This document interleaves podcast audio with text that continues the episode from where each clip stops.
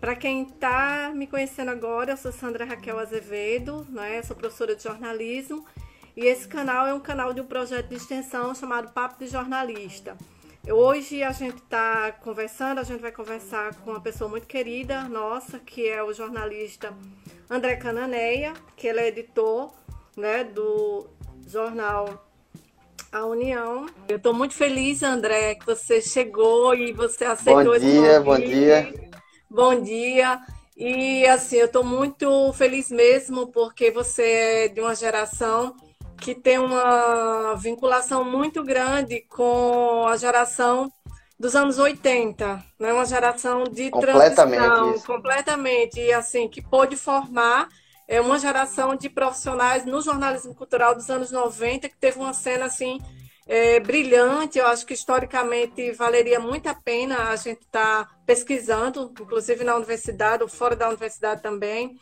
E eu te agradeço muito, André Cananeia é um grande jornalista, especialista em Obrigado. cultura e especificamente também na área de, de música, né, André? É, eu quero Isso. também dizer que o André ele é editor, né? Eu estou aqui com o Correio das Artes, muito feliz Maravilha. porque vocês tocaram em abril já assim de forma muito protagonista nos dilemas né, da cultura no campo no momento da pandemia, no momento da Covid, trazendo vários profissionais, a cadeia produtiva do setor para refletir sobre os impactos. Então, acho que isso é uma pauta para a gente hoje. E parabenizar também pela última edição, viu, gente? Assim, está nas bancas Sivuca. de Sivuca. Então, uma, edição extraordinária, com texto, com um apanhado histórico brilhante, assim, parabéns. Eu me sinto muito feliz de Ah, poder obrigado. ter o Correio É, e, uma Artes. curiosi... e uma curiosidade, Sandra, é, de bastidor aí, no caso de Sivuca, a parte que, que eu escrevo aí na, no, no material, num vasto material que a gente fez sobre Sivuca, foi feito de maneira analógica mesmo, entendeu? Tirando os vídeos do YouTube que eu precisei acessar, mas o resto é são esse, essa coleção aqui, são os livros. Uhum. É como se fazia nos anos 80 e 90 mesmo, entendeu? Eu vou estudar, eu vou ver, eu vou, eu pego um bloquinho e anoto as ideias, entendeu? Não tem Ctrl C, Ctrl V. É jornalismo raiz. É, é bem interessante isso, porque a gente é uma geração analógica, né? E Isso. é, essa geração aí eu, eu queria lembrar também de pessoas assim pioneiras como Antônio Vicente, como Ricardo Anísio, né, o Carlos Aranha, o Silvio Osias, Carmélio Reinaldo e Reinaldo, esse isso. time de jornalistas especialistas em música. E não por acaso hoje a gente vai conversar sobre jornalismo cultural falando sobre um filme, né, que para mim é um filme muito especial e que ele retrata um pouco dessa geração também, né, analógica, que é o Quase Famosos, né, do, do Isso. David Crowell, que fala sobre a cena musical nos anos 70, né? É um filme lindo, com a trilha incrível e que era um momento... A gente Já quase- puxando a coleção. É, Já tô puxando a coleção é, aqui. puxa aí esse, esse disco, porque esse disco é bárbaro. E ele também mostra É. essa figura é, de- de- desse rito de iniciação, né? De um jovem no jornalismo. Né? E dentro do- de uma segmentação interessante, que é a música, e num momento marcado pelas grandes revistas, né? Se a gente tem a Rolling Stones, naquele momento ali do filme, mas a gente viu a Bis, né? A gente viu tantas outras revistas assim que marcaram a, a nossa geração é, na formação no jornalismo cultural. Então eu queria começar, André, dando essas boas-vindas assim com muita satisfação, com muita felicidade de você estar aqui nesse bate-papo, nessa conversa e perguntar, começar perguntando, né? Como é que foi a sua iniciação, o seu começo, né? A sua entrada? Porque esse filme fala sobre um rito de iniciação não só no campo do jornalismo, ele é muito mais amplo para a vida daquele personagem, né? Então, para você, É. como é que foi? Como é que você se identifica, né, com esse filme? Qual a tua percepção desse filme? É, bem, bom dia. Bom dia, professora Sandra. Bom dia ao pessoal que está vendo aí a live. É, o que eu gosto de- muito de Quase Famosos, o que eu me identifico bastante, é porque a história lá do William, é, que é o personagemzinho, o protagonista aqui do filme, é, o, o, a história dele é muito parecida com a minha. Entendeu? Eu era, até certo ponto, eu era alguém. É, eu venho de uma família que é muito ligada ao direito, mas direito nunca passou pela minha cabeça. E a certo ponto eu queria ser engenheiro elétrico, porque eu mexia muito com, com as tecnologias da época, né? Eu desmontava videocassete, aparelho de som, depois montava de novo. Achei que, que isso ia ser. Achei que, que eu ia ser um, um engenheiro elétrico, um engenheiro eletrônico. E aí, só que aí eu tinha, eu nasci numa família que tem um, um gosto muito grande por filme, por música, por literatura e por artes plásticas, né? De uma maneira geral, basicamente nessas vertentes. Então eu cresci muito com música e eu cresci muito com, com cinema. E aí, o, em determinado momento, eu me tornei um leitor da Bis, que era revista, né? A gente, nos anos 80 a gente não tinha internet. Então, é, banca de revista era algo que a gente é, é, frequentava muita, é, bastante, né? A gente frequentava muito banca de revista, biblioteca, porque as informações estavam nos livros e nas revistas. E, e, e eu quis muito escrever para bis, né? Não existia Rolling Stone no Brasil, só nos Estados Unidos. E, e eu cresci meio que mirando isso, né? Lendo os caras todos, Carlos Eduardo Miranda, Sérgio Martins, uhum. é, André Forastieri. Ah, André, e, é, então, e aí era, é, é a formação de música que eu tenho era bis, um pouco Ação 3, algumas coisas importadas, a New Music Express, que chegava numa banca lá da Lagoa. E quando Everaldo Pontes não comprava, eu conseguia comprar, mas a maioria das vezes Everaldo, grande é. figura, é. E aí, e, e, foi assim que eu conheci Everaldo. Eu adoro contar essa história, porque eu chegava na banca, eu tem a New Music Express? Tem, mas está reservada para Everaldo. Tem, mas Everaldo já levou. Quer dizer, tem, mas acabou, né? Everaldo já levou. E eu nunca conseguia. No dia que eu consegui uma, aí um belo dia eu falando com ele, disse: Ah, uma vez eu consegui uma. Aí ele fez: Foi o dia que chegaram duas. Então eu, ele pegou a dele já. Então é, eu, eu disputava a New Music Express, que também acabou me ajudando muito no inglês, né? A falar inglês. Uhum. E, e aí, quando eu vi Quase Famosos e vi no cinema, porque Cameron Crowe era um cara, o diretor era um cara que eu já gostava, já, já acompanhava. É, o cara tinha feito Jerry Maguire antes de Quase Famosos. Uhum. Ele tinha feito um filme que eu adoro. É... Oh, Bira tá perguntando, é Rock Brigade? Sim, também é, iria muito a Rock Brigade. É, valeu por lembrar, lembrar Bira. É, então, o Cameron Crowe tinha feito é, Jerry Maguire com Tom Cruise, que é um filme que eu adoro. Eu acho aquele filme muito bem dirigido, eu acho o roteiro maravilhoso. Mas ele tinha feito um filme ainda mais especial para mim, que é meio que irmão do Quase Famosos, que se chama Singles, Vida de Solteiro. Sim, esse filme. Fantástico. Então, esse filme saiu em DVD no Brasil e ainda nos primórdios do DVD, depois sumiu, não teve mais um relançamento e tal. E é um filme que eu adoro. Por exemplo, eu queria ter na coleção, acaba que eu não tenho. Eu tenho na minha coleção virtual do Google Filmes. E, e o Cameron e o filme é, é uma comédia romântica, né? O, o, Cameron Crowe começou como roteirista de Picardias Estudantis, que é um, virou um cult dos anos 80. É, ali ele escreveu o roteiro, mas ele não dirigiu. E aí o primeiro filme que ele fez foi Diga o que quiserem, que é um filme com com, ai meu Deus, esqueci o nome dele, que o, o cartaz é o cara segurando o, o som assim, né, o 3 em 1. É, nossa, como é o nome? Daqui a pouco eu lembro. E aí o e aí eu eu não tinha visto Diga o que quiserem antes, né? Vi, vi Vida de Solteiro e me apaixonei. Porque era uma comédia romântica é, baseada em Seattle, no, no, no estouro do grunge. Então, então, assim, eu disse, caramba, é um filme com a Brigitte Fonda, com o Matt Dillon, e, e Matt Dillon faz um papel de um roqueiro. Ah, John Cusack, valeu, é, Cinematográfico 7, exatamente. Tá colaborando aqui é, conosco, obrigada, gente. Isso, obrigado, Cinematográfico Super. 7. Grande, grande perfil do, do Instagram, que gosta de cinema aqui de uma pessoa que eu ah. gosto muito também.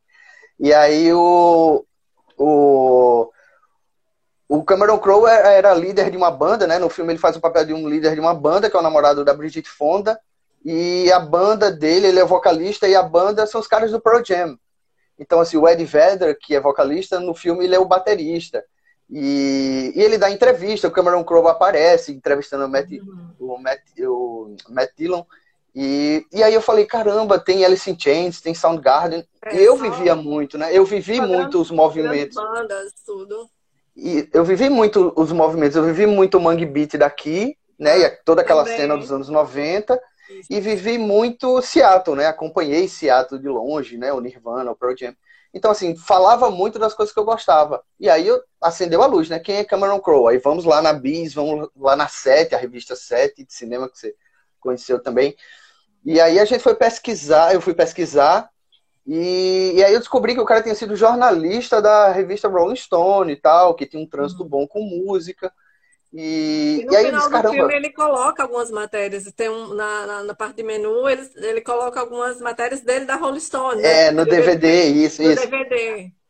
Aí, quando eu soube que o cara tinha feito um filme chamado Quase Famoso, sobre um garoto de 15 anos que acompanhava a turnê de uma banda pra, pra, pra escrever uma matéria sobre a Rolling Stone, eu fui pro cinema. Eu, o filme, lembro demais, passou no cinema que tinha no no Shopping Sul dos bancários. Sim, é, isso. É, então, tinha uma salinha de cinema ali e eu, eu... Todo mundo tomava sopinha antes e ia lá na salinha. Isso, ia ver e eu vi... Da... Seis horas da tarde. É, e aí eu vi Quase Famosos lá. É, o filme está fazendo 20 anos esse ano, é um filme de 2000. E fiquei absolutamente encantado, né? Porque, assim, a história dele era muito parecida com a minha. Que em, em 2000... Eu, eu, em 2000 eu estava numa transição, eu estava no Jornal Norte ainda. Em 2001 é, eu fui para o Jornal da Paraíba, onde eu fiquei é, por 15 anos. Venâncio está perguntando qual é o filme, a gente está falando de Quase Famosos, Quase Famosos Venâncio. Isso, que saiu em DVD e Blu-ray no Brasil. É um filme muito legal. É, e, e aí eu, eu já estava no norte, já tinha passado pelo Correio da Paraíba e, e, e já era completamente identificado com música.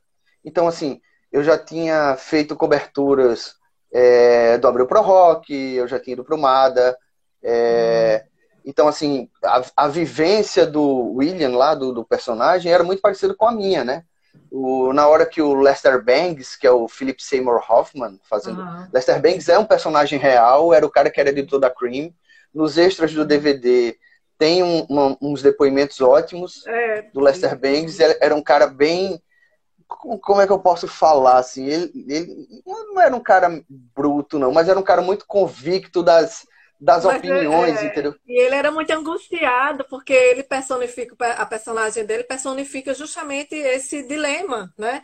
Em relação a toda essa dimensão da indústria, do mainstream, que vai pautando, e a tentativa de uma abordagem mais estética, né? De viver aquela experiência da, do movimento da música, né? É uma relação muito existencial também do crítico com aquele segmento. É.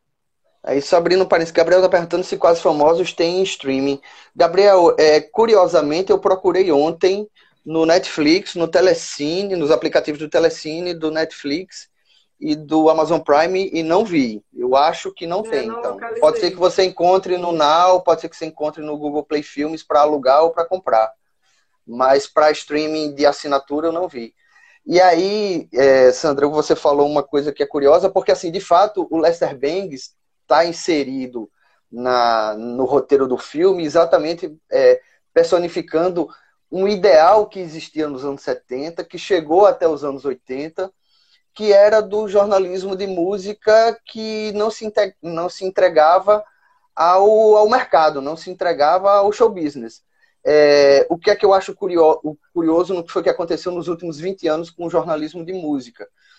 Aliás, nos últimos 40 anos, né? Porque assim, o filme se passa em 73. Ele está falando, inclusive, o Lester Bangs, lá, o personagem, chega pro garoto e faz: Ah, você já perdeu o rock, você já. O rock acabou. Não, você você pegou só o. É o fim da feira, em 73, hein? É, e aí o, o o, o, e o garoto não, não se deixa levar, não. É, eu acho, inclusive, o ponto fundamental do filme é quando ele tem a conversa do Lester Banks, é, que é uma característica que eu passo aí, já que, que a gente está sendo visto e ouvido por muitos alunos, que é uma característica que me chama muita atenção no filme, é um garoto de 15 anos que já escrevia no jornalzinho da escola. Eu escrevia sobre cinema no jornalzinho da escola que eu estudei. É, mas ele, ele escreve sobre música no jornalzinho da escola. E quando ele vai falar com o Lester Bangs, que é um, para ele é uma referência, né? Porque é o editor da Cream, a Cream uhum. tinha uma, a, a, Rolling Stones era, era mais o establishment, como a Bis aqui era o establishment, uhum. Mas a Cream procurava um, um, um braço sempre mais mais alternativo, né? né? Sempre mais independente, na verdade. Independente, é. Isso, independente, eu acho que é a palavra que, que é, eu queria isso. falar. E aí o cara, o Lester Banks era um mito, e ele vai lá tietar o cara quando o cara tá de passagem pela cidade dele. É... E aí ele já chega, inclusive, mostrando pro cara que ele tem conhecimento, que ele tem opinião formada. Um garoto de 15 anos com opinião formada sobre música. E isso é uma coisa que, que eu acho que é fundamental para jornalistas todos, né? Todos, todos nós jornalistas, a gente precisa ter um, um domínio e ter que ter um, uma, uma, uma, uma, formação que nos, permite, que nos permita passar informação e informação. Nós somos formadores de opinião, entendeu? Acima de tudo. Então, assim, é uma coisa que me chama muito a atenção e que chamou a atenção do Lester Bangs, é, Cameron, voltando ao diretor, né? Cameron Crowe é do Batente e é repórter da Rolling Stones, da Rolling Stone. É, Rolling Stones é a banda, Rolling Stone é a revista. É, é, repórter do Rolling Stone tava, fez um filme baseado no que ele passou, então ele sabia disso. Então ele sabia da importância de colocar um personagem que com 15 anos é, mostrasse que tinha um domínio do assunto que ele se propunha escrever, é, de maneira que, que, que, que, impressionou um cara que é mais velho, né? Que, que acha que é uma estrela, tanto que ele diz assim, é, valeu, eu não posso ficar muito tempo com meus fãs e tal, então ele dá uma esnobada ali. Só que aí tem uma, uma coisa curiosíssima no filme que no cinema cortou, e aí eu fui perceber nessa versão estendida que foi lançada em DVD, é. É, que é a história da perseverança. Então, por exemplo, tem uma hora que ele se despede, no, no cinema, assim, ele se despedia do personagem, né, do, do William, é, ele se despedia e cortava para uma cena no restaurante. Eu falei, ué, que é um erro de, de, de continuidade, porque ele se despediu e aí eles agora estão no restaurante. E no DVD, que tem a cena completa, quando ele se despede, o garoto não vai, o garoto não se entrega, ele fica ali plantadinho. E aí o Lester Bangs, Bangs fica esperando o ônibus e ele fica parado ali. E é uma cena que não acontece que não acontece muita coisa, né? Uma cena, na verdade, é uma cena que não há diálogo, mas que acontece muita coisa do ponto de vista subjetivo. Então, assim, aquela cena que os dois estão parados ali sem, sem falar, na verdade, ela está comunicando que o garoto ali é insistente, é um jornal, é, é, ele sabe o que quer, ele tem um objetivo, ele sabe que quer, é, ele, ele sabe que quer, ele sabe onde quer chegar, ele sabe que ele quer ser um redator. E a cena seguinte, os dois no café começam a conversar ele começa a dizer o que é a profissão de jornalista, que é uma profissão que paga muito mal, correto? Que você ganha discos, ganhava, né? Hoje em dia não se tem mais discos. Antigamente se tinha a figura do, métier, divulgador. Né? Ele já vai dando é... a previsibilidade, porque pela experiência ele já vai dando essa previsibilidade, passando o métier para ele que está começando. É, Isso. Pensando nesses ah. ritos de passagem também de troca, quem foi é, que foi também construindo essas passagens na tua vida de jornalista cultural, dentro da tua experiência de entrar né, e cobrir e acompanhar os festivais. Tem uma coisa também que eu vejo que acompanha o filme todo, que é o dilema né, é, desse, da figura do jornalista ser visto como inimigo, né? E ao mesmo tempo ele é o um inimigo pelo exercício da crítica, olha, cuidado com o que você vai falar, ele é nosso inimigo. Mas de repente é muito bom poder sair na capa. É muito bom ter a primeira capa do jornal, claro, a primeira capa da revista, né? Então, como é que é. essa, essa relação você, você percebe, né? É, dessa tensão, né? Entre, mesmo para quem está começando ou para quem já é da indústria, né?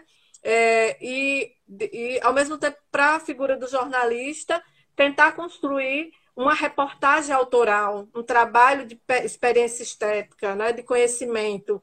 E a gente vê que ele também, ao longo do filme, ele vai entra, tem a imersão, mas ele também vai fazendo um processo de pesquisa jornalística. Né? Ele vem com a bagagem pelas leituras, mas ele vai fazendo esse trabalho. Como é que é, assim, na tua experiência, né, também de, de, de repórter, de editor, essa relação, né? dessas, dessas, dessas tensões e, ao mesmo tempo, desse, dessa, desse objetivo de manter um trabalho autoral, como você fala, de ter uma opinião, de ter um, uma forma de, de, narrar próprio, né? Eu vejo muitos, muitos profissionais, colegas nossos, assim, o Silvio é uma pessoa também que me toca, o Silvio Osias, né? Dentro do campo da, da, da música, o Jamarri também como jornalista no campo da, da cultura também, de ter um jeito próprio, né? De construir essa narrativa autoral. Como é que é isso para você? Como é que você, você vê esse processo? É, só para só situar um pouco aí, é o seguinte: a história do Quase Famosa é a história de um garoto de 15 anos, que nem saiu da escola ainda, é louco por música, é, sonha em ser um jornalista de música e chegar ao máximo da carreira, que seria escrever para a revista Rolling Stone, que no máximo, que, que nos anos 70, nos Estados Unidos, é, os músicos de música sonhavam em escrever para a revista Rolling Stone. E e aí o que é que acontece? Ele, ele, ele acaba numa, numa publicação que é mais independente, a Cream, só que ele, ele sai distribuindo os textos dele para as redações. Mandou para o Cream, mandou para a Rolling Stone, e um dia a Rolling Stone liga para ele, o editor, é, que, que é um personagem real também, uma grande figura, já editou vários livros com entrevistas é, da Rolling Stone, Ben, Fon, ben, Fontor, ben Fontoris, é. que, que, que também é uma referência no jornalismo musical nos Estados Unidos, e aí, o, um belo dia liga, é, dizendo que gostou muito de um texto dele sobre o The Doors e tal, gostou da maneira como ele expressava, e propunha ele uma pauta. E aí ele disse, ó, é, eu propunho o, acompanhar a turnê do Steel Waters, que era uma banda do segundo escalão, mas que estava em ascensão e tal, então era a hora da banda, né? The next, the next big thing, como se chama nos Estados Unidos. Então, era uma banda que abria o show do Black Sabbath, mas que ia sair numa turnê própria e ele ia fazer a, a, a cobertura dessa turnê. É, então, a história, é sobre, é, a história é sobre isso, é sobre esse menino, nesse rito de passagem que a professora Sandra tem falado muito, desse, desse menino que, inclusive, deixa de ser um garoto para se tornar um jornalista, né? deixa de ser um high schooler para ser um, um, um, jornalista. E aí vem o despertar da, da paixão, né? ele se apaixona.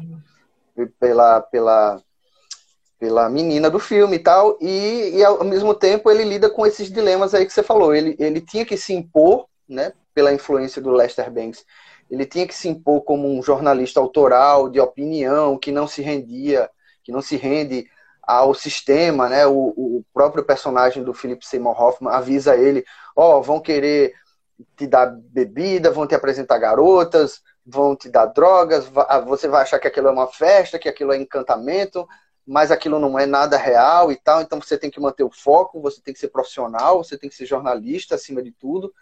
Então, assim, é, é uma tremenda lição de jornalismo, inclusive, isso, né? Uhum. Porque, de fato, é. Eu, eu tive em bastidores de shows, é, eu, eu tive com pessoas, né, enfim, na época, todas aquelas bandas, Raimundo, é, o Rapa, é, o Planet Ramp, é, caramba, enfim, entrevistei que você imagina, que você imaginar ali no, no, em meados dos anos 90, a Chico Science, é, meados acho que eu passei por tudo, e, e bastidores de festival, e, e, e fui chamado para camarim de, de artista, ah, e tal, senta aí, pega uma cerveja, não sei o quê.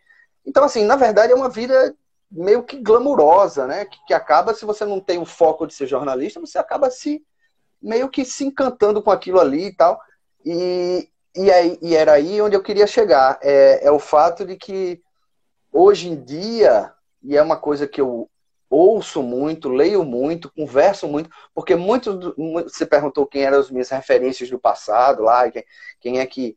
Eu, da mesma forma que o, o garoto lá tem o Lester Banks, Bem, eu acho que aqui é, eu comecei aqui, lia muito Carlos Aranha, lia muito Ricardo Anísio, cresci com Silvio Osias. Silvio Osias foi um, é meio que meu, meu mestre, né? Silvio, Silvio era um jornalista de, é um jornalista de música, é, e, e, eu me espelhei muito em Silvio, né? Na maneira como ele pensava as pautas, como ele pensava a música. Silvio me ensinou muito, foi um, é, é um grande professor que eu tenho.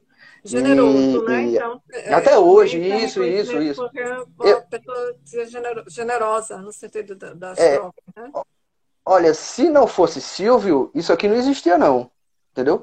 Esse cuidado com a coleção, com o disco, né? O encarte que contém, que é um documento, que contém as informações, né? E que também assim, é uma assim, é característica, é... né, também do, do, do, jornalista especializado, porque ele também se torna um colecionador, então ele não vai pegar o material e vai simplesmente jogar fora, né? Tem toda uma construção isso, de Isso, isso. É, muita gente, muitas, às vezes, principalmente o pessoal da universidade, quando vem me perguntar, me entrevistar, eles perguntam muito isso, assim, o jornalista de cultura nasceu primeiro ou veio o colecionador, depois. Não, eu sempre fui mergulhado nesse universo. Isso aqui sempre foi a minha vida, entendeu? É... Isso, aqui, isso aqui eu sempre tive, desde criança. Os discos, os filmes. E aí depois eu, enfim, eu cresci, virei adulto, casei. E aí na minha casa é isso aqui, entendeu? Eu continuo com, com esse, esse universo. É, é um universo que está dentro de mim. E aí, claro, está dentro de mim, foi mais fácil para o jornalista é, transitar, porque já era um, um, terreno que eu conhecia. Então, Walter Galvão, um tal de Carlos, Carlos Azevedo, eu acho. Carlos Azevedo, o nome que é, Eu conheço um, esse Um rapaz, editor de cultura, Carlos acho que você conhece. cultura do Correio. É, do Correio. Eu lia muito esse rapaz. Isso, é, 90. eu também. Conheci lia bastante. Dele, é. Gostava demais. Então... Inclusive, ele pegou a cena, é, você pegou a cena do, do Fenarte, eu acho que também viver essa cobertura dos festivais, né? Acho que Zonda, acho que eu fui da geração eu, Zonda, Silvana Carvalho, Jamarri, a gente também Isso. foi jogado Renato da Félix, faculdade, é. exato, a gente foi jogado nos festivais de arte, então isso foi um processo de, de aprendizado muito grande, né? Por exemplo, é, poder se formar dentro também dessa ação de integração na cena cultural. Né? E é bem interessante porque é, as, o, o, como é que você vê, né, observar a presença do jornalismo no sistema artístico, cultural? A gente está vivendo um momento muito dramático, né? Está passando por um momento muito dramático, que a gente vê um desmonte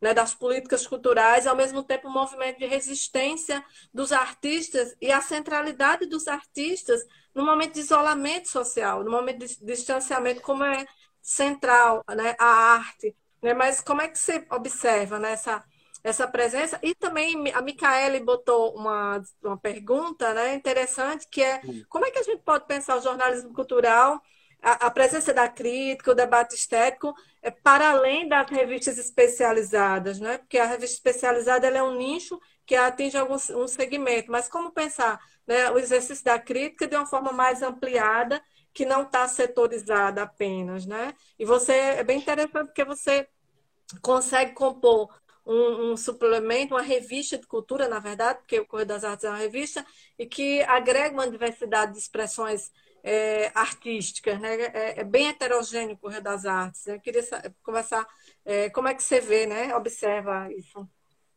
É, eu, eu, eu cresci tendo numa mão o jornalismo impresso, né? Nos anos, como a gente começou no comecinho do, da nossa conversa, a gente falava muito dos anos 80, então nos anos 80 eu tinha o jornalismo impresso numa mão e eu tinha as revistas especializadas nas outras. Eu tinha a Bis de música, eu tinha a Sete de cinema, Cinemin, enfim, várias revistas. Não existia internet, a fonte de informação era essa. Os cadernos de cultura, e aí tinha Correio da Paraíba, o Norte, é, a União, e a partir de 2001, né, começou a chegar aqui o João Pessoa, Jornal da Paraíba, que, que eu fiz parte por 15 anos.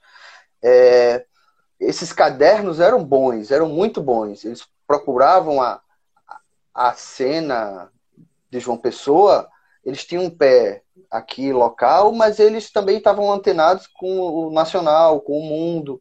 Então, assim, quando eu lia diariamente as, eh, os jornais e, as, e além das revistas especializadas também tinha Isto É, também tinha Veja, e eu era a pessoa que começava as leituras sempre pelos cadernos de cultura, sempre, sempre. É, eu encontrei outras pessoas que me disseram isso também. Ah, eu quando eu pegava uma revista, eu ia lá em cultura e depois... É, então, e aí o... o... E aí o, o, o que foi acontecendo com o tempo, para a gente chegar hoje, é que a internet veio, é, as pessoas começaram a, é, a, investir em portais, em blogs. É, e aí é uma coisa que eu estava querendo falar lá atrás, é justamente isso. Eu tenho lido e tenho conversado com amigos que são de São Paulo, que são do Rio, e gente, inclusive, que escrevia na Bis e que eu admirava bastante e tal. Carlos Eduardo Miranda é, é, era uma dessas pessoas que eu tive a sorte de, de, de, compartilhar, de ligar, de encontrar nos lugares e a gente bater papo.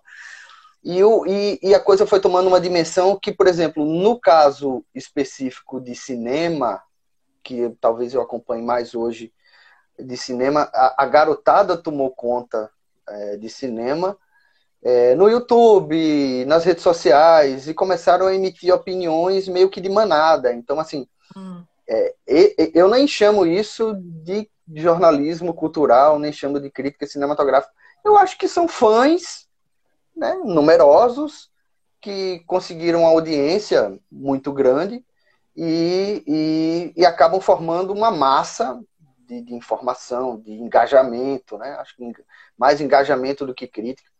É, e eu acho que é isso que a gente vê hoje. A gente não, não tem, é, por exemplo, um segmento. É, Beatriz está falando que os influencers, e é, os, os, influenciadores digitais, mas, mas o, eu acho que o jornalismo crítico de cultura ainda existe, ainda é resistente. No Globo, no Estadão, né, no jornal A União. A gente ainda tem esse espaço. O Correio não existe mais, acabou tem pouco tempo. O Norte não existe mais.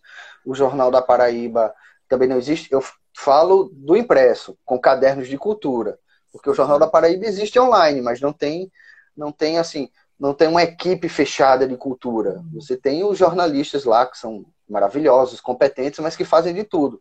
Você não tem especificamente alguém que é da área de cultura lá fazendo só cultura, como a gente fazia nos cadernos de cultura. Que é uma contradição, porque você tem um espaço, de certo modo, privilegiado, né? Para um nível, para uma especialização e há esse pouco investimento né, dentro de equipes que podem trabalhar um conteúdo mais analítico, com maior profundidade e trazer um, um conteúdo super de qualidade para a configuração dos portais, né? Porque a gente. Porque é o seguinte, o jornalismo cultural é uma coisa extremamente específica. Ou você é um jornalista especializado em cultura, ou você não é. Aí muita gente pergunta, certo, e como é que se forma um jornalista cultural? Bem, primeiro tem que ser um, um estudioso, ele tem que fazer da, daquilo ali a, a missão da vida dele. Eu acho que os grandes jornalistas, independente de economia, de, de, de cidades, de, de política, de esporte, de cultura, eles, eles mergulharam naquele universo. Então, por exemplo, em 2001, eu fui cobrir para o norte o Rock in Rio e eu fiquei 15 dias é, instalado dentro de uma barraca, com a equipe do, vendo a equipe do Globo trabalhar do meu lado, vendo o pessoal da Rock Brigade na outra uhum. baia ali, como o Bira lembrou da Rock Brigade. Eu conheci Pedro Alexandre Sanches, da Folha de São Paulo, na época, que era uma super referência, né? Escrevia JB, na Folha. também sempre foi referência pra gente, né? O JB. Isso, e eu já, já cheguei a, a fazer matéria pro JB, já cheguei a cobrir coletiva de Ivete Sangalo, por exemplo, para o JB. Só uma curiosidade. E, e, e, e eu conheci um, um jornalista do Globo, é... meu Deus, fugiu o nome agora. Esse cara tinha acabado de chegar de Nova York. Ele era correspondente do Globo em Nova York para o caderno de para o caderno de cultura, certo?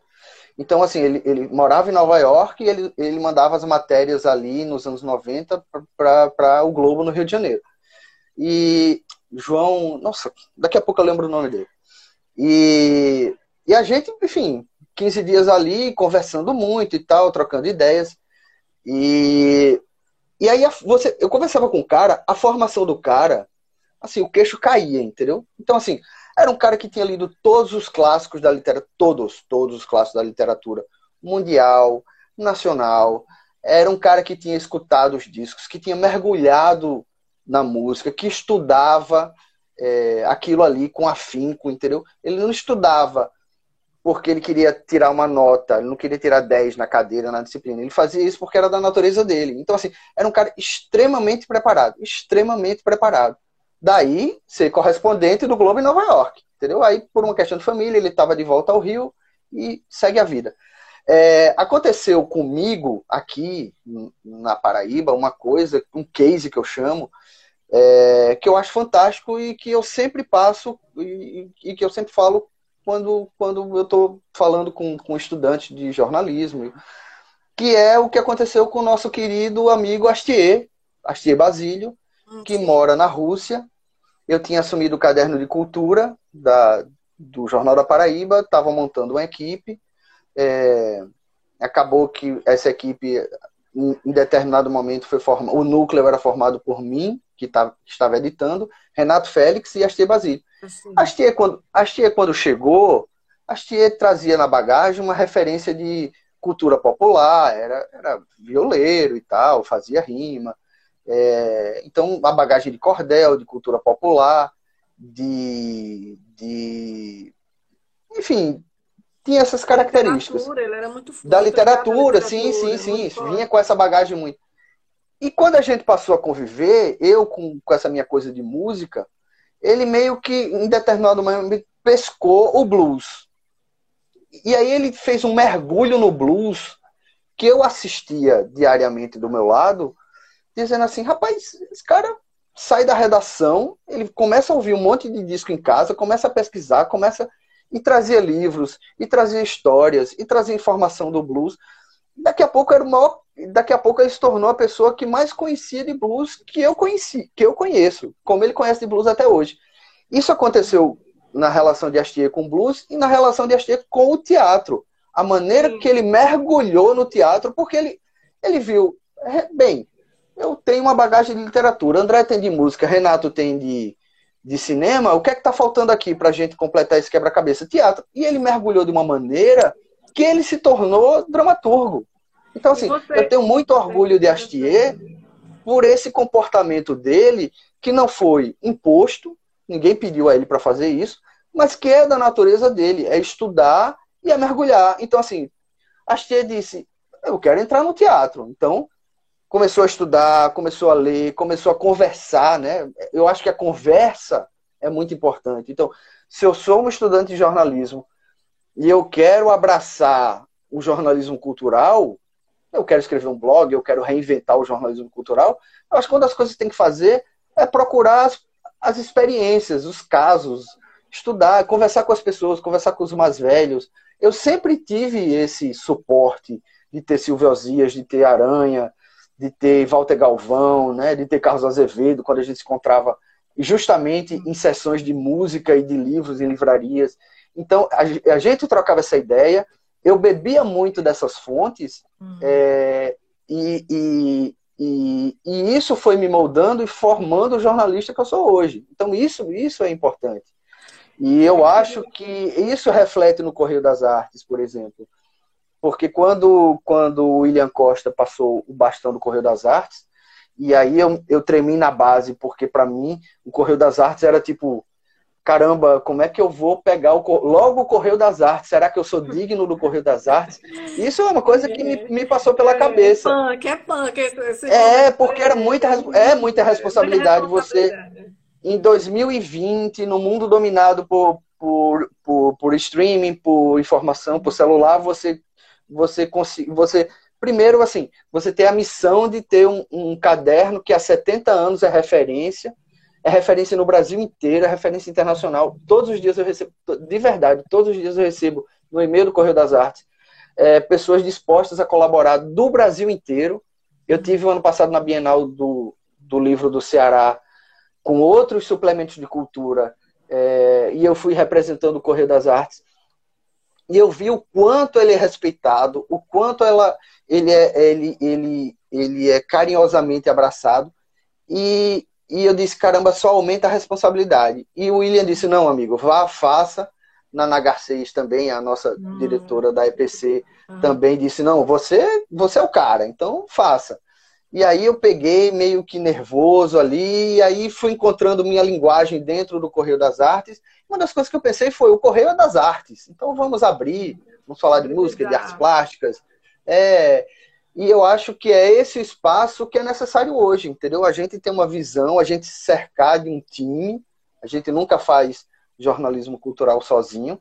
Então a gente cerca de um time, a gente escolhe bem as pessoas e a gente consegue é, trazer para o leitor, trazer para a audiência um produto que realmente importa, que realmente é, faz a diferença nesse mundo que é carente do jornalismo cultural. Eu acho, é, é, é como a gente falou ali no começo, eu acho que empresas precisam investir no jornalista de cultura, porque não é o que a gente tem visto. Os jornais estão fechados e os jornalistas de cultura estão fazendo blogs não remunerados, né? Porque, enfim, eu acho que a gente que é jornalista mesmo, a gente não faltou um lado empreendedor. Por exemplo, eu tenho muita dificuldade de ter esse lado empreendedor, de captar recurso e, e colocar na rua o, o blog, o portal, e é uma coisa que a gente precisa desenvolver. Então, é, a gente precisa correr atrás disso aí, até para tornar o jornalismo cultural sustentável.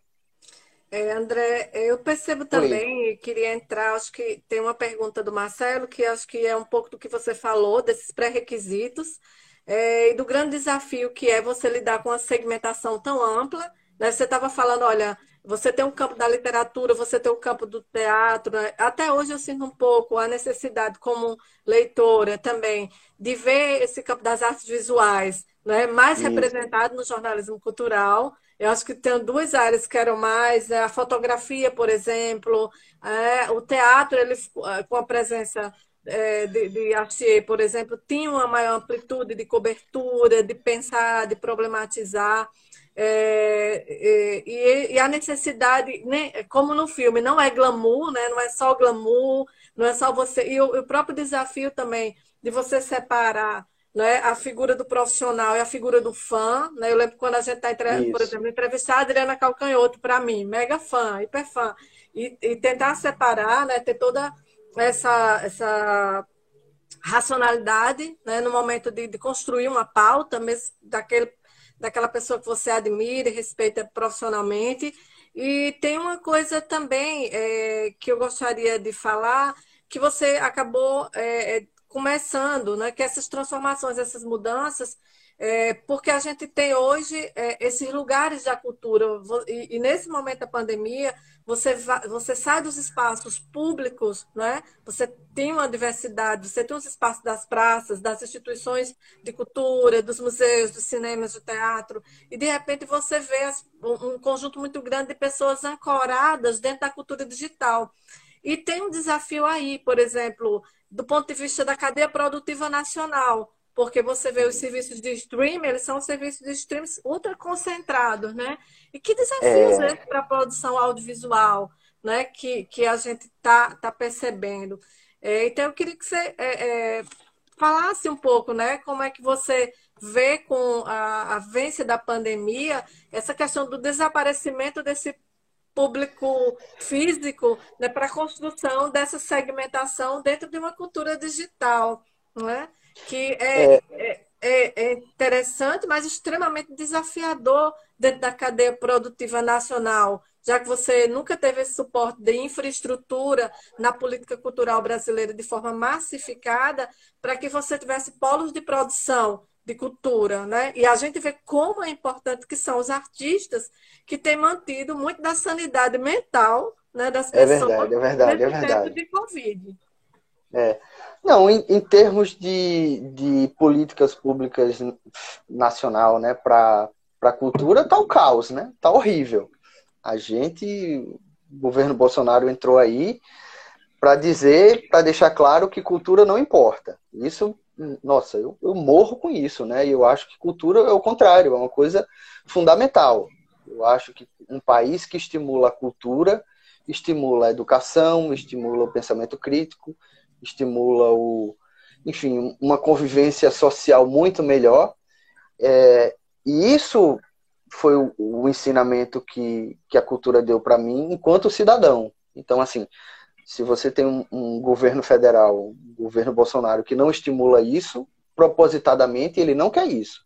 Né? Você vê o, o governo, inclusive, direcionando muito é, para uma mentalidade de uma igreja extremamente conservadora e que é uma coisa que se fecha naquilo ali e que não abre para o pensamento crítico. Eu acho isso horrível. É, dentro desse contexto da pandemia e o acesso que às vezes é, o acesso que a gente tem através do digital, eu costumo dizer que o streaming é meu bem meu mal. E eu faço um exercício que é muito simples para eu poder chegar no raciocínio que eu quero chegar. Quantas pessoas é, dessa audiência que está nos vendo, e você também, Sandra, e quantas pessoas não se pegaram abrindo Netflix, zapeando, zapeando, zapeando, zapeando, zapeando, zapeando, zapeando desliga e não viu nada. Porque eu acho que o excesso de informação, isso já aconteceu muito comigo. É, de eu pegar o, o, o Netflix, eu tenho Netflix, eu tenho Telecine, eu tenho HBO Go e eu tenho Amazon Prime. Adoro filme, ainda tem uma coleção enorme de DVD aqui atrás. Então eu, eu, eu adoro estar cercado disso aí, ter, ter essa. Estar, é, querer que alguns que os títulos, que as novidades estejam disponíveis para mim, mas várias vezes já entrei, já pulei de aplicativo para aplicativo, fiquei ali 40 minutos fácil, uma hora fácil, não vi nada. É, e, e, eu lembro demais quando a gente começou a usar Spotify, eu, eu assinei o, o Ardio, né, o RDIO, na época, que acabou fechando. É, e, e eu disse, e aí que prometia ter tudo, né? Ter tudo de música, ter tudo de. E eu falei, isso não vai dar certo. Vamos isso, na verdade. Mundo, né? é, e isso, e isso não vai dar certo porque tem duas coisas no streaming de música que, que eu acho que até tem no, no streaming de cinema também, mas eu vejo com muito mais. É, inclusive já vi estudos, já vi, já vi papers falando sobre isso. Do streaming de música que tem tudo. Mas a, a partir do momento em que eu informo ao Spotify ou ao Deezer, que, que é o que eu assino, a partir do momento em, em que eu começo a navegar no streaming de, do Deezer ou, do, do Spotify e ele identifica que eu sou uma pessoa ligada ao rock, é, ele vai sempre me levar para os caminhos do rock. Ele nunca vai me levar para o forró, ele nunca vai me levar para o forró raiz, né? Porque, na verdade, tem uma coisa que o streaming tem ali, é um mecanismo de mercado. Que é a então, opacidade exemplo, do algoritmo, né? Então, esse é o grande perigo também. Quer dizer, você tem uma formatação, aí a gente vê a questão da. da você vê essa dinâmica da formatação né, do gosto, né, ou das preferências, ou do direcionamento. Então, é uma questão para a gente, né, que a opacidade dos algoritmos, elas têm uma matemática, né, uma, uma, uma monetarização que ela lida estrategicamente com essa prática da, da, da, da navegação, né? Diretiva. Isso. Então, por exemplo, teve uma hora, teve um momento no Netflix que eu vi 30 Reasons Why, né? A série e tal, da, da, da, menina que, que, sim, que morre. Sim, claro. E, e, e aí, quando eu vi a série inteira, o Netflix passou a me oferecer apenas produtos com conteúdo adolescente. Uhum. Eu falei, gente, o Netflix tá muito chato. E tá muito chato, porque, na verdade, eu comecei a dizer assim, caramba, onde é que estão os filmes? Aí foi na época que eu pesquisei assim, Hitchcock, não tinha nada. Foi na época que eu pesquisei algumas coisas quase não tinha nada. Eu cancelei minha assinatura de Netflix. Voltei um tempo depois. Também porque voltou psicose, né? tem Orson Welles e tal. E aí eu comecei a informar para o algoritmo que eu não gostava. Aquilo ali foi um, um, evento isolado. Minha praia é outra. Então, assim, é... o que é que acontece? E aí onde é que eu quero chegar? Porque meu, meu amigo Carlos do Cinematográfico 7 tocou no assunto aqui das locadoras. Onde é que eu quero chegar? É. Eu preciso o tempo inteiro, eu, usuário, informar ao algoritmo do Netflix, é, informar ao algoritmo do Amazon Prime o que é que eu gosto. Mas hora nenhuma o Netflix chega para mim e faz assim: Cara, tu vê muito, muita série teen, muita. Tu quer ver psicose, não? Por isso, isso, isso, isso, isso, isso. Isso era o que acontecia em locadora. Minha formação de, de cinema nem foi a do cineclube. Eu, eu, não, eu não tive. Foram raras as oportunidades que eu tive de frequentar cineclube. Mas a minha formação foi de videolocadora. Então, assim, quando eu chegava na Ribalta, quando eu chegava é, na Chaplin, quando eu chegava na, na Video Store, ali no, no Best, eu era recebido por pessoas que, acima de tudo, amavam cinema. Então, por exemplo, eu chegava pedindo, sei lá, uma comédia do momento E, e aí, por exemplo, tinha o Ulisses Freitas que trabalhava lá na, na, na ribalta e dizia assim, cara, você tem que ver Tarkovsky, sabe? Você tem que ver Bergman. Então e é interessante. E, e, e aí, e aí, só para concluir, e aí eu parava, e aí eu, eu ficava ali uma, duas horas ali, ouvindo os argumentos de Ulisses é, para esse tipo de cinema que eu tinha que abrir os olhos. Então, assim, eu devo muito é, essa formação de cinema a essas dicas que eu recebia de locadora que o, que, que o, o streaming não dá. Então, assim, e onde é que eu vou buscar isso? Eu não sei, porque a internet é muito ampla. Os cadernos de cultura e, e as revistas especializadas, elas tinham essa, é, essa missão de, de, de, de ser esse guia. E era um guia que era confiável, porque, assim, a, as opiniões eram embasadas tecnicamente. O cara, quando fazia um elogio, ele fazia um elogio baseado em uma opinião técnica. Quando ele, quando ele desconstruía, quando ele a crítica era negativa, ele tinha argumentos que me convenciam de que o cara estava certo. Não é o que eu vejo, por exemplo, nos, em muitos influenciadores digitais. Inclusive famo, famosíssimos, que tem um milhão de seguidores. Quando eu vou ver, eu digo, caramba, que bobagem isso. É. Que é outro exemplo que eu uso muito, inclusive. Quando o Tarantino teve no Brasil para divulgar Os Oito Odiados, é, ele, ele deu várias entrevistas, várias, vários portais, vários. E eu vi, eu acho que eu vi basicamente oito. Eu vi bobagens, tipo, ah, como seria você faria um filme com atores nacionais? Não dizia muito. A melhor entrevista de Tarantino, que inclusive vocês podem procurar aí, era, foi com a Isabela Boscov da Veja. Porque, e você nota como ele está empolgado para falar com ela, porque ela, ela com conhecimento de faroeste que ela tinha, é, é, Tarantino tinha uma interlocutora ali de um nível mais próximo dele. Então você tinha uma conversa rica sobre cinema, sobre faroeste, né? E assim, eu já vi essa entrevista três ou quatro vezes. Você tem uma ideia, porque para mim virou uma aula, que pô, eu vou ver como aula. As outras eu descartei, vi, deletei, acabou. Então, assim, é... o curioso é, é, é, o guia, é essa, é essa referência que a gente precisa. É, infelizmente, a gente está caminhando para o final, né? Eu estou só é, dando eu, essa, essa, essa deixa, não, a nossa, a nossa conversa está ótima. É, mas você fala, eu queria que até a gente tocasse nesse para a gente poder depois caminhando para a conclusão. E agradecendo também a todas as pessoas que estão nos vendo, as pessoas que mandaram questões. Clotilde Tavares, que mandou um grande abraço. Oh, que legal, um cheiro para Clotilde. Fabinho, que também da, da, da, biologia, que lembrou das locadoras. Ah, que legal, e valeu, tem, Fabinho. É, é, eu queria tentar é, fechar, tem tantas questões, o tempo é tão curto. Mas, assim, o drama também dessa monetarização né, dos algoritmos opacos e também dos influencers, porque personificam as marcas, né? Então tem essa relação dramática é, de, de, contraste, né? De contradição. É, da gente que no jornalismo cultural busca um conteúdo, uma formação né, é, ampla, que passa pela, pelas artes, sobretudo, e quando se, se confronta com essa dimensão, né, desse volume de informação e dessa personificação de marcas, do estúdio, né, da gravadora, enfim, do produto em si, né, dessa consagração, né, da marca no espaço.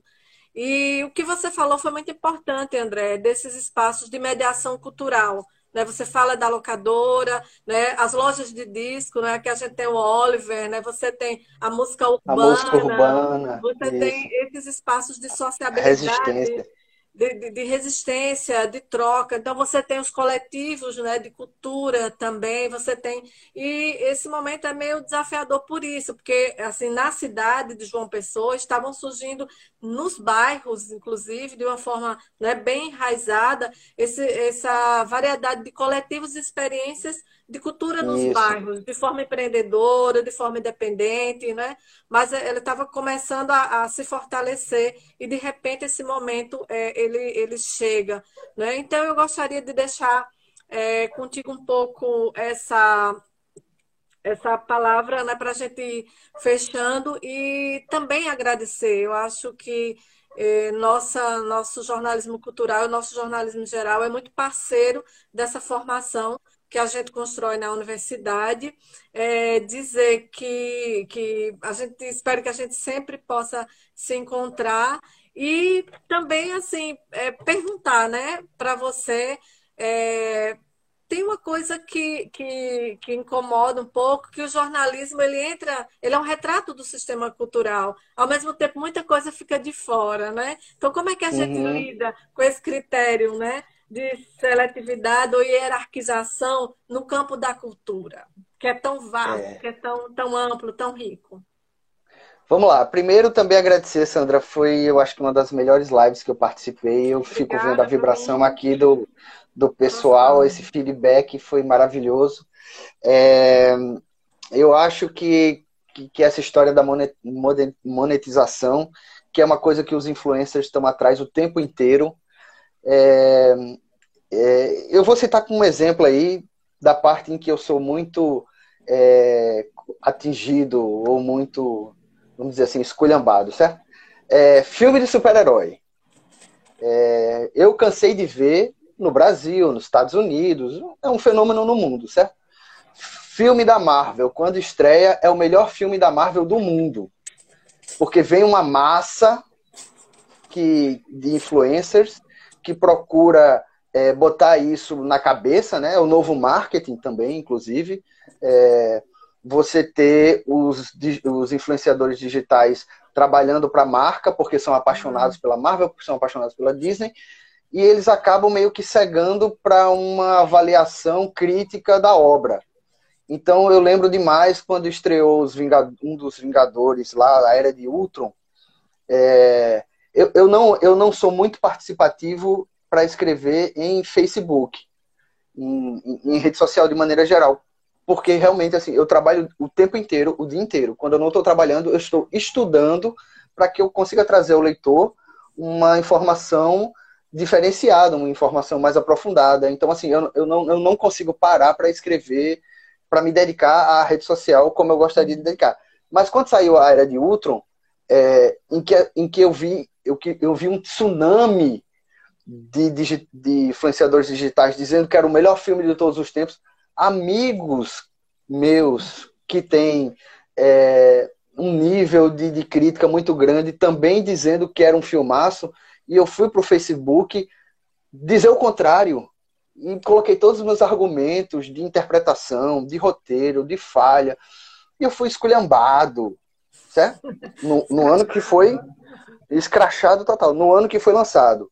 Hoje eu faço a seguinte provocação: pessoal que gosta dos filmes da Marvel e que viu vários outros filmes depois, o que vocês acham de A Era de Ultron? Ponto. Vou deixar essa provocação no ar para o pessoal comentar, depois mandar aqui no, no meu Instagram é, o que é que vocês acharam. Porque, assim, hoje eu vejo que muita gente reavalia o filme como um filme péssimo.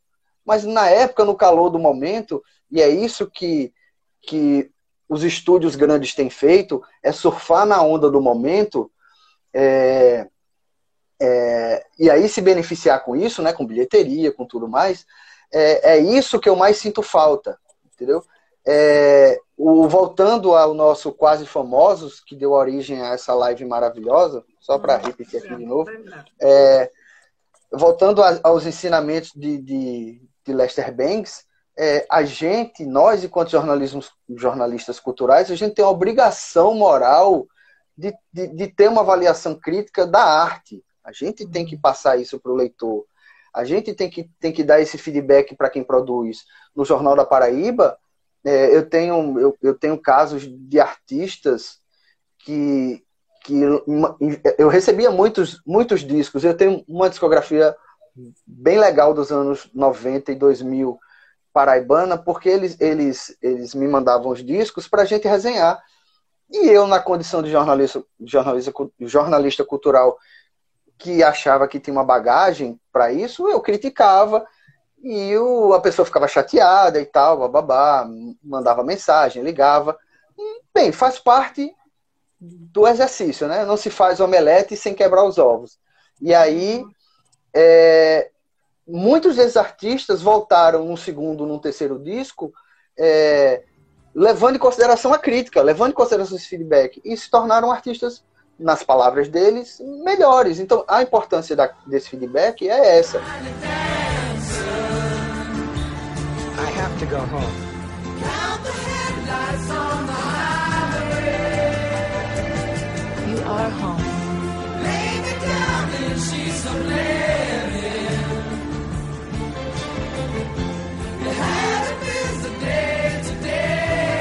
Pegando aquele exemplo da Marvel, é, é, o que eu estava dizendo é que o Lester Bangs falou que a gente precisa exercitar esse lado crítico nosso é, e passar para o leitor essa avaliação nossa. E o que é que acontece, e o que é que acontece hoje, por exemplo, quando vem essa massa de influenciadores?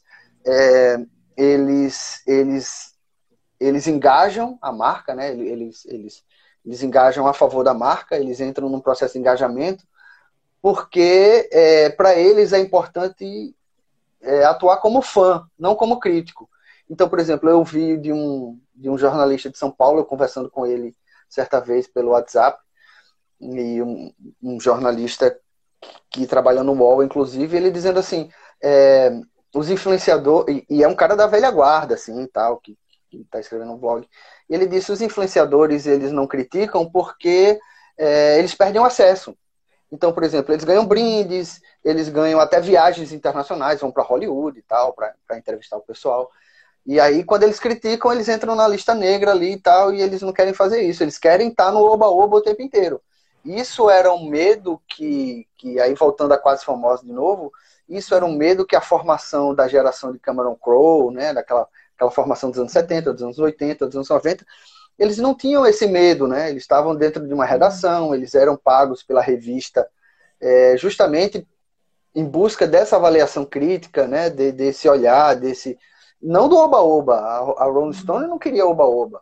É, e então, assim, hoje, hoje você vê que o, o mercado ele está muito mais a favor é, desse de, desse engajamento dessas marcas do que dessa avaliação crítica. Eu acho que a gente, enquanto consumidor, a gente perde isso, entendeu? Eu citei esse exemplo aí do, dos Vingadores Era de Ultron. É, um beijo para Margarete Almeida, professora. Tá mandando aqui um, um beijo para ela. Hum. E aí o, o e aí, aí, aí a gente perde, né? A gente porque a gente perde referencial, a gente perde o, o filtro é necessário, né? Porque aí a gente precisa começar a ter um nível é, de entendimento cultural, intelectual, eu acho que a gente tem que nivelar por cima, não por baixo. Claro, então, é, é, quando você perguntou na, é, há pouco sobre os critérios que a gente usa para o Correio das Artes, é, o segundo caderno, é, hoje é brilhantemente conduzido por Aldaci Júnior, é, foi meu parceiro lá no Jornal da Paraíba, então eu não estou mais no Caderno de Cultura, eu estou como editor-geral da União, mas, mas até o entendimento meu e de Aldaci no, é parecido quando a gente procura buscar para o caderno é, no caderno de cultura da União. E eu especificamente no, no Correio das Artes é justamente uma discussão é, uma discussão que eleve é, é o conhecimento o repertório do, do leitor. É isso que a gente busca quando está fazendo esses esses enfim atuando junto a a Cadernos de Cultura e ao Correio das Artes. É, e é importante você estar tá falando, eu lembro é, que sempre essa relação do jornalismo cultural foi um retrato do sistema cultural do país, né? Você ter Machado de Assis, você ter Clarice, você ter toda no campo da literatura, mas também das outras artes, e a importância também dessa cena cultural local, né, de afirmação dessa identidade local. Então, acho que é um aspecto importante né, de quando a gente pensa essa relação do jornalismo cultural dentro do sistema de cultura. Né? E eu quero agradecer mais uma vez a, a tua participação. Sei que você tem um tempo muito é... corrido, porque você é editor de um jornal, Nossa. então a gente sabe como é que é a rotina. E também dizer assim que a gente está junto com os outros artistas, a gente tem um movimento Isso, é muito importante do fórum é, do audiovisual, colocando é, a necessidade da cadeia, de que se reconheça a importância dentro do sistema econômico da cadeia produtiva da cultura e a inclusão dos artistas na dinâmica de transferência através do auxílio emergencial, a gente acompanhou, vem acompanhando. Né? Você tem hoje no, na Paraíba a presença do Observatório de Políticas Culturais, o Observa Cult, que tem feito é, diálogos importantes com a Assembleia Legislativa, é, com diferentes segmentos no campo da cultura. Então, você tem vários setores que têm se mobilizado, né? artistas têm se colocado, a gente vê muitas lives elas acontecendo, que ao mesmo tempo você é, constrói uma, uma democratização no acesso à cultura e, ao mesmo tempo, constrói uma consciência da importância das artes, da cultura no desenvolvimento, né? no patamar de evolução é, econômica. Né? Eu acho importante, lendo a biografia da Susan Sontag, recentemente, hum. você vê como era importante para para um projeto de nação em determinado momento se afirmar um pensamento né, a partir de uma identidade. Então, a gente precisa romper né, com as linhas abismais, né, com o colonialismo cultural, e a gente tem que realmente, de fato, é, investir nessa, nessa, nessa formação, nessa mediação cultural do jornalismo, para que traga, de fato, um reconhecimento e um diálogo cada vez maior com os nossos artistas, com as artes é, é, que a gente tanto ama e que contribui para a cidadania e para o desenvolvimento é, do país. Então, eu quero muito agradecer a você, André, né, ao ah, William eu que agradeço. Costa, né, a todos os nossos colegas que foram muito importantes na formação que a gente teve e dizer também para o movimento cultural que a gente sempre vai estar nessa relação né, de, de valorização, de fortalecimento né, da, nossa, da nossa cultura. Muito obrigada, obrigada a todas essas pessoas que estiveram nos acompanhando no primeiro momento e permanecem nos acompanhando. E dizer que na semana que vem a gente vai estar falando com a pesquisadora da, da comunicação, que é a Isabel Travancas, né, que ah, ela que tem um legal. trabalho sobre antropologia isso. da comunicação. E a gente vai estar conversando com ela sobre o jornalismo no cinema, a partir de um texto bem bacana que ela escreveu e publicou nos anais da Intercom. Então, mais uma vez, legal, André, gratidão, assim, felicidade. Ah, eu que agradeço. Eu amo isso. também esse filme e me identifico uhum. profundamente e sou muito grata à generosidade que os nossos colegas têm em compartilhar essa experiência de formação, essa experiência de trabalho e para a gente é muitíssimo importante. Minha gratidão, um abraço para todos vocês que nos acompanharam. Nossa. Não, eu que agradeço, eu, eu acho que, que eu fui eu, eu, eu fui muito, como você falou aí, eu acho que as, os jornalistas com quem eu me espelhei foram muito generosos comigo. Eu acho que o mínimo que eu posso fazer é repassar o que eu sei, o, o que eu vivi, o que aconteceu, é, para quem quiser ouvir, quem tiver quem estiver disposto a ouvir. Tanto que, na medida do possível, eu tento encaixar aqui o. o, o eu tento encaixar aqui o, é, na agenda lives como, como essa, né? Lembra que a gente conversou e aí você diz, ah, pode ser fim de semana? Eu disse, não, fim de semana eu preciso dedicar aqui a, a minha esposa e aos meus dois filhos lindos um pouco também, porque durante a semana é muito corrido. Só que eu acabei já, justamente por conta de agenda, já acabei é, aceitando dois convites maravilhosos de Risenberg para a gente conversar sobre música sábado às quatro da tarde e Tiago Germano num projeto aí que eu estou amarrando chamado Letra e Música. É um papo sobre livro e sobre música. E eu acho que Tiago vai ser o primeiro aí a inaugurar. É, domingo às quatro da tarde também. É, então é isso, fica o convite e fica a gratidão também, Sandra, agradecer a audiência aí do pessoal no primeiro e nesse segundo momento, a interação foi fantástica, fantástica. Uhum, eu, eu, me perdi algumas vezes porque eu ficava lendo, porque eram, eram comentários fantásticos e pertinentes. Gratidão a todas é, as pessoas. Isso, Beatriz, que trabalha comigo na União e é uma uhum. estagiária fantástica também, uhum. acho que um, um dos grandes talentos do jornalismo. E ficar o convite aí, seguirem aí André Canané, é, quando eu tiver live, eu vou avisar. E Sandra, estou à disposição para a hora que você quiser. Também, viu, Isenberg? E também Tiago. Ah, que legal. E Tiago bombando no TikTok, né? Também acompanhando é, agora. no TikTok, tá? Uma é, revelação, Thiago. viu, Tiago? Isso, também, eu então, digo isso a ele é, também. Uma revelação. Então, também lembrar das meninas, né? Ana Bárbara Ramos, Ana Isaura Diniz, né? Ana Rogéria, Ana Maria Felipe. Isso. Então, essas mulheres maravilhosas do, do jornalismo cultural isso. também, isso, né? Isso é verdade sua trajetória de resistência, né? De mostrar a cena com enfoque também da experiência das mulheres no campo da cultura. E um beijo grande também para as nossas queridas é, Clara Lenira, que é uma grande fotógrafa que documentou é, verdade, a cena Clara. Uhum. cultural paraibana através da fotografia, na né, Elisa Cabral. Então a gente tem assim muitos. Seria injusto assim, porque são muitas pessoas que a gente tem é, é, é, dentro dessa construção e as pessoas que estão chegando, né, tanto jovens no campo da, da música, do cinema, da fotografia, das artes visuais. Então, gratidão a todos vocês que puderam estar com a gente e nos vemos na próxima semana e a gente vai estar divulgando essa programação bacana também que o André falou pra gente. Um grande tá abraço. Tá certo. Valeu. Obrigadão também. Obrigada, Cheiro todo André. mundo. Tchau, tchau. Valeu. Tchau, tchau. tchau. Valeu.